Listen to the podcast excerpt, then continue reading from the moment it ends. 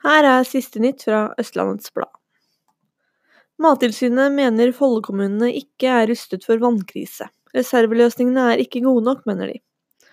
Sanete på 45 er birøkteren som plutselig blir allergisk mot bistikk, men hun sier det er uaktuelt å gi seg.